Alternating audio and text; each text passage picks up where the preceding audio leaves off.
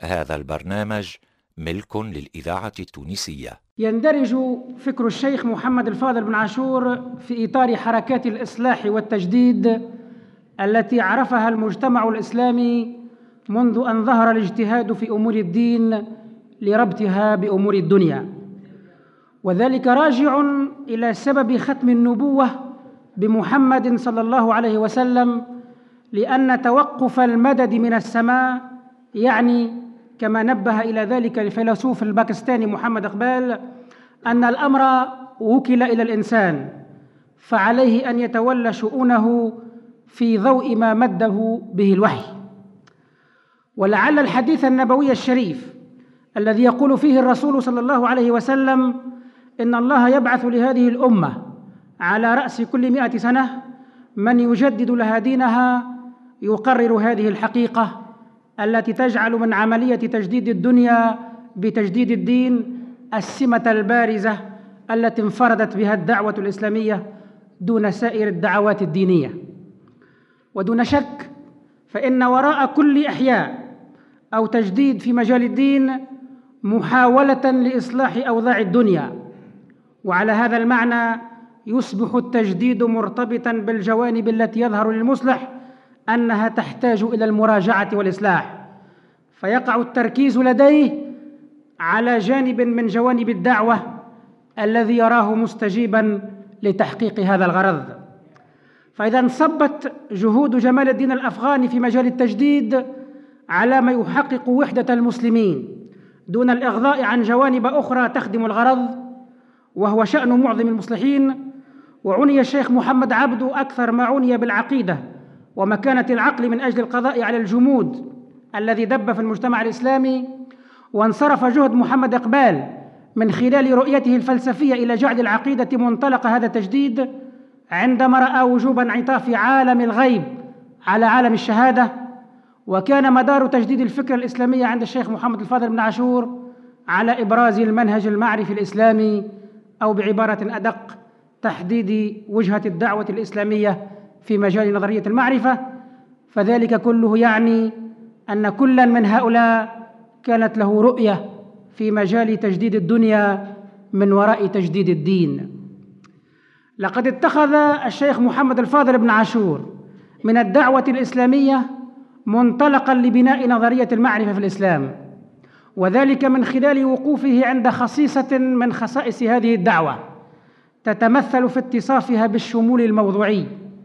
أي أن الدعوة الإسلامية تناولت موضوع الوجود بشقيه المادي وغير المادي أو بعبارة أخرى فقد تناولت الطبيعة وما بعد الطبيعة وبذلك وضعت مشاكل الوجود الكبرى أمام الدرس وهي المشكلة العقلية والمشكلة الدينية والمشكلة الأخلاقية. فاتحدت من حيث الموضوع مع الموضوعات الكبرى التي تتقسم الفلسفة العامة. وهي مشكلة الوجود أو الأنتولوجيا ومشكلة المعرفة أو الإبستيمولوجيا ومشكلة الأخلاق أو الإكسيولوجيا. فأصبح بذلك موضوع النظر الديني موضوع النظر الفلسفي. إلا أن هذا الاتحاد الموضوعي لا يستوجب الاتفاق في النتائج للاختلاف في المنهج المتبع وهو ما تميزت به الديانة الإسلامية على سائر الديانات والفلسفات. فلئن اتحدت الديانات السماوية الأخرى مع الديانة الإسلامية في قضايا العقيدة والتشريع فإن الدعوة الإسلامية تميزت عنها بموضوع المعرفة لأنها دعوة يراد منها إخراج الناس من الظلمات إلى النور لترشيدهم وفك الحجر الذي ضرب عليهم وتحريرهم من الرق الذي استحكم في رقابهم. فكان اهتمامها بالمعيار الذي من شأنه أن يمكن من توحيد الناس على مستوى مداركهم حتى يحصل توحيدهم على مستوى عقائدهم. أما ما انفردت به عن الدعوات الفلسفية فيعود إلى تميز منهجها المعرفي من حيث طبيعته وسائله وهو ما سنحاول إبرازه من خلال حديثنا عن نظرية المعرفة في الإسلام كما كشف عنها الشيخ محمد الفاضل بن عاشور. وإذا ما التزمنا بمسايرة المباحث المألوفة في نطاق نظرية المعرفة فإن العناصر التي سنتناولها في هذا البحث تتعلق بإمكان المعرفة وطبيعتها ومنابعها وأدواتها. وقبل أن نبحث في هذه العناصر نريد أن ننعطف إلى الحديث عن المعنى الذي استقى أو عن المعين الذي استقى منه الشيخ محمد الفاضل بن عاشور أسس المنهج المعرفي الإسلامي. لقد وجد الشيخ محمد الفاضل بن عاشور في القرآن الكريم طلبته في مجال بناء المنهج المعرفي الإسلامي.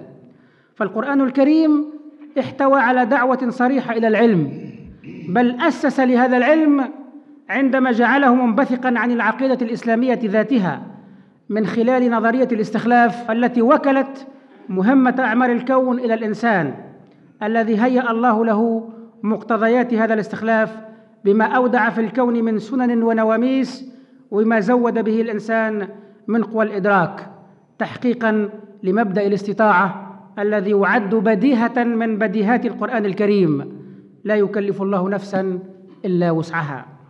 ولهذا جاءت الدعوة الإسلامية تحث على النظر من أجل معرفة الحقائق وتشدد النكير على الذين عطلوا عقولهم عن التدبر والتفكر بالإضافة إلى أنها توجهت بالتقريع إلى أولئك الذين يقيمون عقائدهم على التقليد ويرتكنون إلى المألوف. ولا ريب في أن العقبة الكأداء هذا البرنامج التي تحول دون تحرير العقول وتنويرها وإطلاقها من عقالها إنما تتمثل في الاتباع الأعمى لكل مألوف وموروث. ولهذا كان أساس الاعتقاد في الإسلام في نظر علماء الكلام المسلمين هو البحث والنظر العقلي. مما جعلهم يرون أنه لا يعتبر مكلفا من لم يستدل. حتى قال الشاطبي في هذا المعنى لو عدم العقل لارتفع التدين. وأضاف في موطن آخر من كتابه الموافقات مورد التكليف هو العقل وذلك ثابت قطعا بالاستقراء التام. حتى إذا فقد ارتفع التكليف رأسا وعد فاقده كالبهيمة المهملة.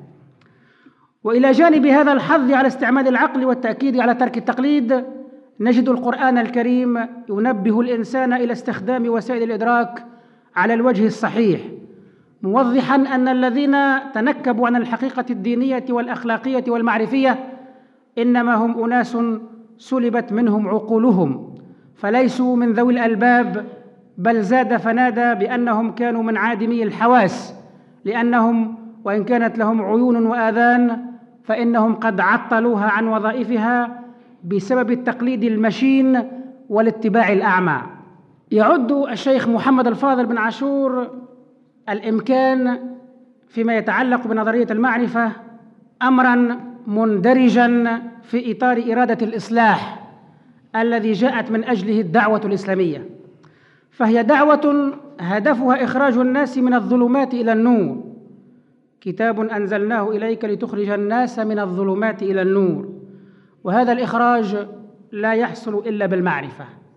فالشك المطلق لا مجال له. بل الائتلاف الحاصل بين المدارك المعرفية هذه المدارك المتساندة المتضافرة بداية من العواطف الغريزية إلى المدارك الحسية فالمدارك العقلية فالمدارك الغيبية يفضي إلى ضرب من اليقين. أو ما عبر عنه الشيخ محمد الفاضل بن عاشور بالانسجام والأمن الداخليين. فلا حيرة ولا اضطراب ولا تنازع بين الأفكار إذا حصل تطبيق المنهج السليم. وهذا الانسجام في المدارك يؤدي إلى انسجام بين المعقول والمحسوس والمعتقد والأخلاق.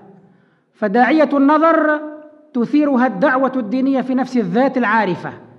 ثم عندما تنطلق هذه الذات في عملية النظر تساندها أيضا الدعوة الدينية بحمايتها من الغلط والتيه والضلال من خلال تحذيرها لها بتجنب الوسائل والطرق التي تؤدي إلى المعرفة غير اليقينية. ولهذا جاء القرآن منبها الإنسان إلى أن يستعمل مداركه على ما ينبغي أو على ما تقتضيه تلك المدارك. فالموقف من إنكار المعرفة واضح عند الرجل. إذ هو يؤمن بقدرة الإنسان على التوصل إلى إدراك الحقائق المتصل بالمادة أو بما وراءها. أعني بالميتافيزيقا.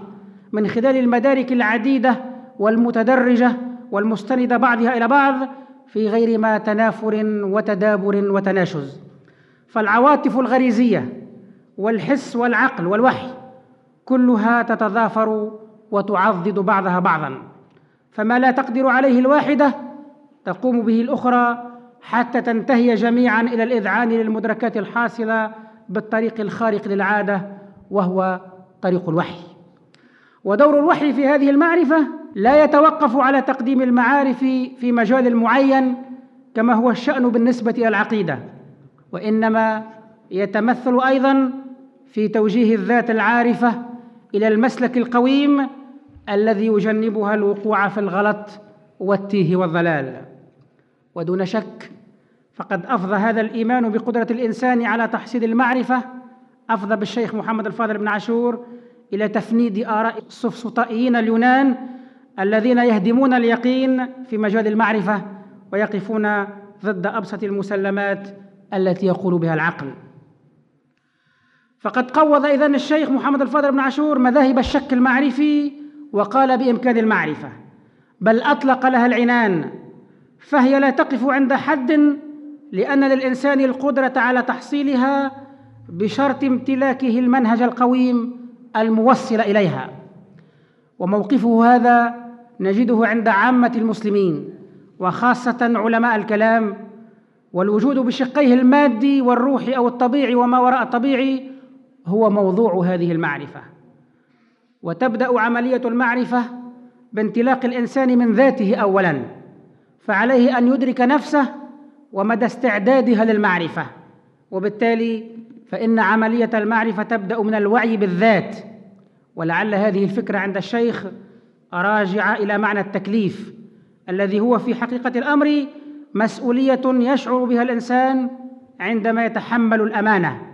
فبعد أن تكون الداعي إلى المعرفة ذاتية يأتي دور الدعوة الدينية التي تماشي هذا الاتجاه. وتمد الإنسان بالمنهج القويم الذي يجعله يحذر الغلط وبذلك تقع حماية هذه الغريزة الإنسانية المتطلعة إلى المعرفة لأنها إذا تركت بدون سند قد تحول العوائق والغوائل دون تحقيقها للمعرفة الصحيحة. فالوحي سند قوي يحمي العقل والحواس من الوقوع في الخطأ لأنه يبين لهما الطريق الأمثل الذي ينبغي اتباعه لتجنب الزلل والسقوط. فهناك إذن ضرب من الضمان المعرفي الذي يحققه الوحي. فالمعرفة تمر بهذه المراتب. الداعية المتمثلة في التطلع إليها وهي ذاتية. ثم تأتي داعية النظر التي تثيرها الدعوة الدينية. لكن هذه الداعية إذا تحركت قد تصيبها الحيرة ويتملكها الاضطراب ولا تدري إلى أين المقصد وفيما المسير عندها يتداركها الوحي بالعون والمساعدة. فهناك إذن تراتبية واضحة في هذا المجال المعرفي مبنية على الترقي من الداعية الغريزية إلى داعية النظر بمعنييه الحسي والمعنوي وهي المرحلة التي يتم فيها استخراج المعنى المعقول من المدركات الحسية أو انتزاع المعنى المجرد أو الكلي من المحسوس. ومن هذه المعاني الكلية يحصل استنباط معان أخرى تتصل بترتيب الموجودات وتصنيفها حسب خصائصها. وببلوغ هذا المستوى تثار الأسئلة المتعلقة بالعلل الذاتية والتكوينية والسببية والغائية. بماذا؟ وعلى ماذا؟ وكيف كان؟ وإلى أين يكون؟ فيقع من خلال ذلك ربط المرء بالمتعقل ووصل المادة بما وراءها وترجع الكثرة إلى الوحدة. فعلى المستوى المعرفي تتمثل الكثرة في المدركات الحسية والوحدة في المعنى الكلي المجرد المنتزع من هذه المدركات الحسية الكثيرة. وعلى المستوى العقدي تبرز الكثرة في المخلوقات أو الموجودات المخلوقة أو في تشكل الممكن في مظاهر مختلفة. وتظهر الوحدة في الذات الخالقة أو في واجب الوجود. وبذلك يكتشف الإنسان الموجد أو الصانع. فعن طريق وصل المادة بما وراءها يتمكن الإنسان من تاصيل الفارق بين المخلوق والخالق وهي النتيجة الحتمية للنظر العقلي. فالضرورة العقلية تفضي إلى الضرورة الدينية. فموضوع الدين إذن هو معرفة الخالق وهذه المعرفة تحصل بالنظر العقلي. ولهذا فالانسجام بين المعقول والمعتقد حاصل وإن كان هناك اختلاف أو صراع فمرده إلى فساد الفطرة. فالمعرفة الحقيقية هي إسناد الماد إلى غير المادي أو هي تأليف بين مظهري الوجود المحسوس والمجرد أو الممكن والواجب. ولهذا فالمحسوس الذي هو أداة المعقول أو المجرد يحق أن يطلق عليه اسم العالم على معنى الآلة المصنوع بها لكونها الأداة المحصلة للعلم أي العلم الجامع لأصناف العلوم كلها. وبهذا الوصل بين العالم المادي والعالم الروحي يصبح العقل سند الحقيقة الدينية وبرهانها. والعالم أو الملاحظات المادية والتجارب الطبيعية أعني المدركات الحسية طريقا إلى إدراك الحقيقة الدينية والاطمئنان إلى اليقين الاعتقادي. والإيمان في حد ذاته أصل التوجه إلى مناهج السلوك التي تتناول بها العناصر الطبيعية. إن موضوعات المعرفة التي تتناول عالم الطبيعة وعالم ما وراء الطبيعة حقائق مستقلة بذاتها أو بعبارة أخرى لها وجود ثابت في الخارج ومتميز عن الذات العارفة فالحقيقة المادية واقعة وكذلك الحقيقة الروحية والتساند بين الحاسية والعقلية في مجال تحصيل المعرفة هو الذي يجعل هذه المعرفة واقعية على معنيين. الأول أن الأشياء التي يتألف منها الوجود هي أشياء ذات حقيقة ثابتة وإدراكها يكون من خلال الإدراك الحسي الذي هو طريق الإدراك العقلي وبذلك يحصل التساند بين الحس والعقل. والوجه الثاني من هذه الواقعية يكمن في أن المدركات الحسية في حد ذاتها معصومة من الخطأ بحكم استنادها إلى النتائج التي وراءها من المدركات العقلية. فهذه الواقعية التي تتسم بها المعرفة الإسلامية ليست واقعية حسية تنكر الثبوت العقلي وهي التي تعرف عند الفلاسفة بالواقعية الساذجة التي تقف عند التسليم بوجود العالم الخارجي بما فيه من كثرة وتعدد دون أن ترد هذه الكثرة إلى نوع من الوحدة كما أنها ليست بالواقعية العقلية التي تنكر الثبوت الحسي وليست أيضا بالواقعية التجريبية التي تعطل كلا من الثبوت العقلي والثبوت الحسي على التجربة. إن هذه الواقعية المستندة إلى الحس والعقل معا هي التي جعلت طبيعة المعرفة في الإسلام تختلف عن النظريات التي تقول بالمدارك التلقائية. كالإشراق الأفلوطيني كما جعلتها تختلف عن نظرية الواردات المباشرة من الضمير البرغسونية وبالتالي تسد الباب أمام الاعتراف بالحدس أو الإلهام. كما أن طبيعة المعرفة التي جاء بها الإسلام تختلف عن المعرفة الباطنية التي قال بها التعليمية من الشيعة الإمامية. ذلك أن هذه المعرفة تقوم في نظر الشيخ محمد الفاضل بن عاشور على منهج مختل هو من قبيل النحلة التي ظهرت في القرن الرابع الهجري ويكفي أن نتفحص أصوله حتى ندرك تنكبه عن الوجهة الإسلامية إذ هو يقوم على هذه الأصول. أولا العلم الموهوب الذي لا يحصل بطريق الإدراك الحسي والعقلي وبالتالي يصبح مقصورا على أشخاص دون سائر الناس. ثانيا الإمام المعصوم الذي يستأثر بالمعرفة ويحتكر الحقيقة. ثالثا التلقين والتعليم. ولهذا سمي أصحاب هذه النظرية بالتعليمية. وقد نبه الشيخ محمد الفضل بن عاشور إلى أن المسلمين يعتبرون هذا المنهج الباطني دسيسة سياسية أجنبية لأنهم يرون أن مثل هذه المبادئ المعرفية التي يقوم عليها لا يمكن أن تصدر عن روح الفكر الإسلامي.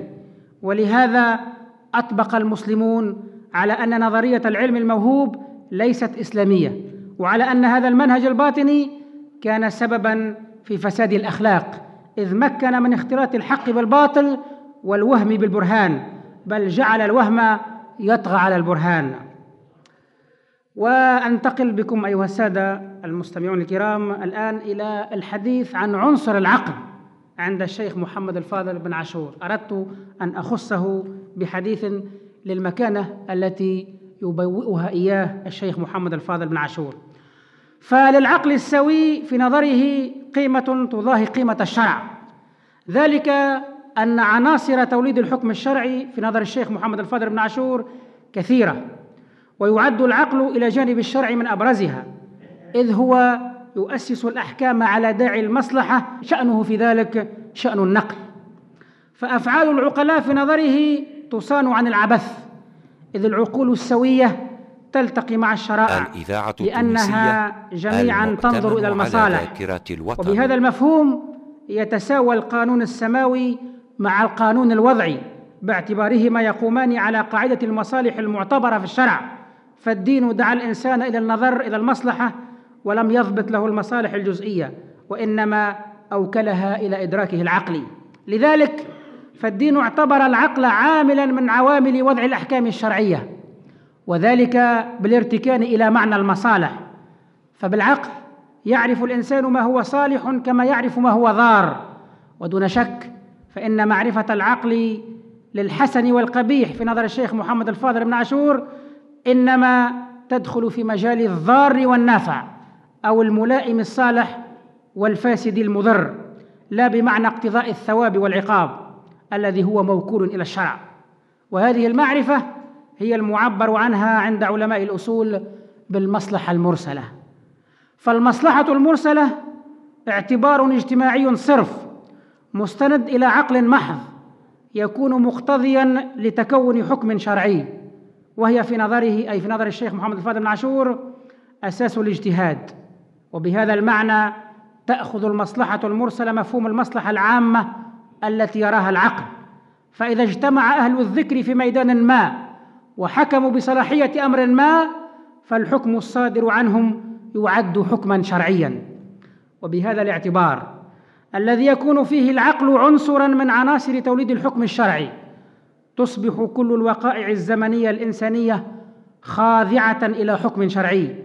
ولهذا نجد الشيخ محمد الفاضل بن عاشور لا يستسيغ الرأي الذي يذهب إلى أن نظام الدولة الإسلامية غير محدد على معنى أنه نظام قائم على حكم العقل الذي عده الإسلام عاملا من عوامل وضع الأحكام الشرعية. فنظام الدولة الإسلامية محدد باعتبار عنصر العقل لا باعتبار تعاليم مضبوطة يمليها الدين لأجل أن تكون الدولة محددة بمقتضاها. وقد أرجع الشيخ محمد الفاضل بن عاشور ازدهار حضارة الإسلام في عهدها الأول إلى هذا الاعتبار القائم على استخدام المصلحة التي هي إعمال العقل.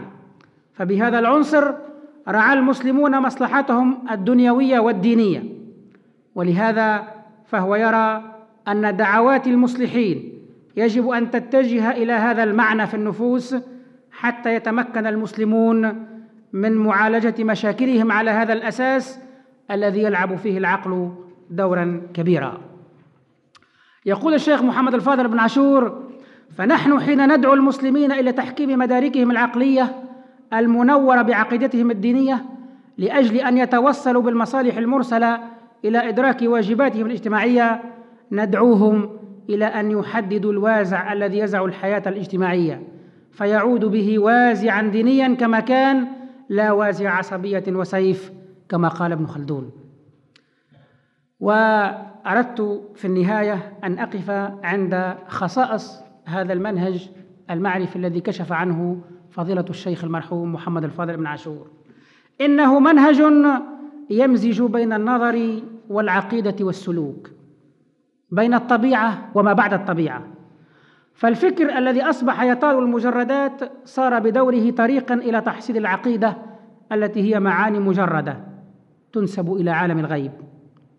أما الخصيصة الثانية من خصائص هذا المنهج فهي الوسطية البارزة التي نلحظها من خلال الموازنة بين العقل والنقل بين الغيب والشهادة بين الحكمة والشريعة بين الدين والدنيا. وهي ميزة الإسلام في الموازنة والتأليف بين ما يحسبه الآخرون متناقضات لا سبيل إلى تعايشها. لقد كشفت لنا هذه الدراسة القصيرة عن أشعرية الشيخ محمد الفاضل بن عاشور من خلال المزج بين العقل والنقل فقد صرح الأشعري بأن النظر العقلي المستقل عن الوحي لا يجوز أن يتخذ طريقا إلى العلم بالشؤون الإلهية. فالشيخ محمد الفاضل بن عاشور يمثل في نظرنا التيار المستنير المعتدل الملتزم وهو ما يمكن أن أسميه بتيار الوسطية الإسلامية. وإني أعجب أيها السادة من تنكب كثير من التونسيين اليوم عن هذا التيار الذي يعد أقرب التيارات إلى الإسلام. ذلك أن الفكر الإسلامي الذي أصبح طاغيا على الساحة الدينية اليوم هو فكر مستورد ولا يمت بأية صله إلى رجال الاصلاح التونسيين الذين عرفناهم بداية من النصف الثاني للقرن الماضي بدءا من خير الدين وانتهاء بمحمد الطاهر بن عاشور. أشكركم أيها السادة المستمعون الكرام.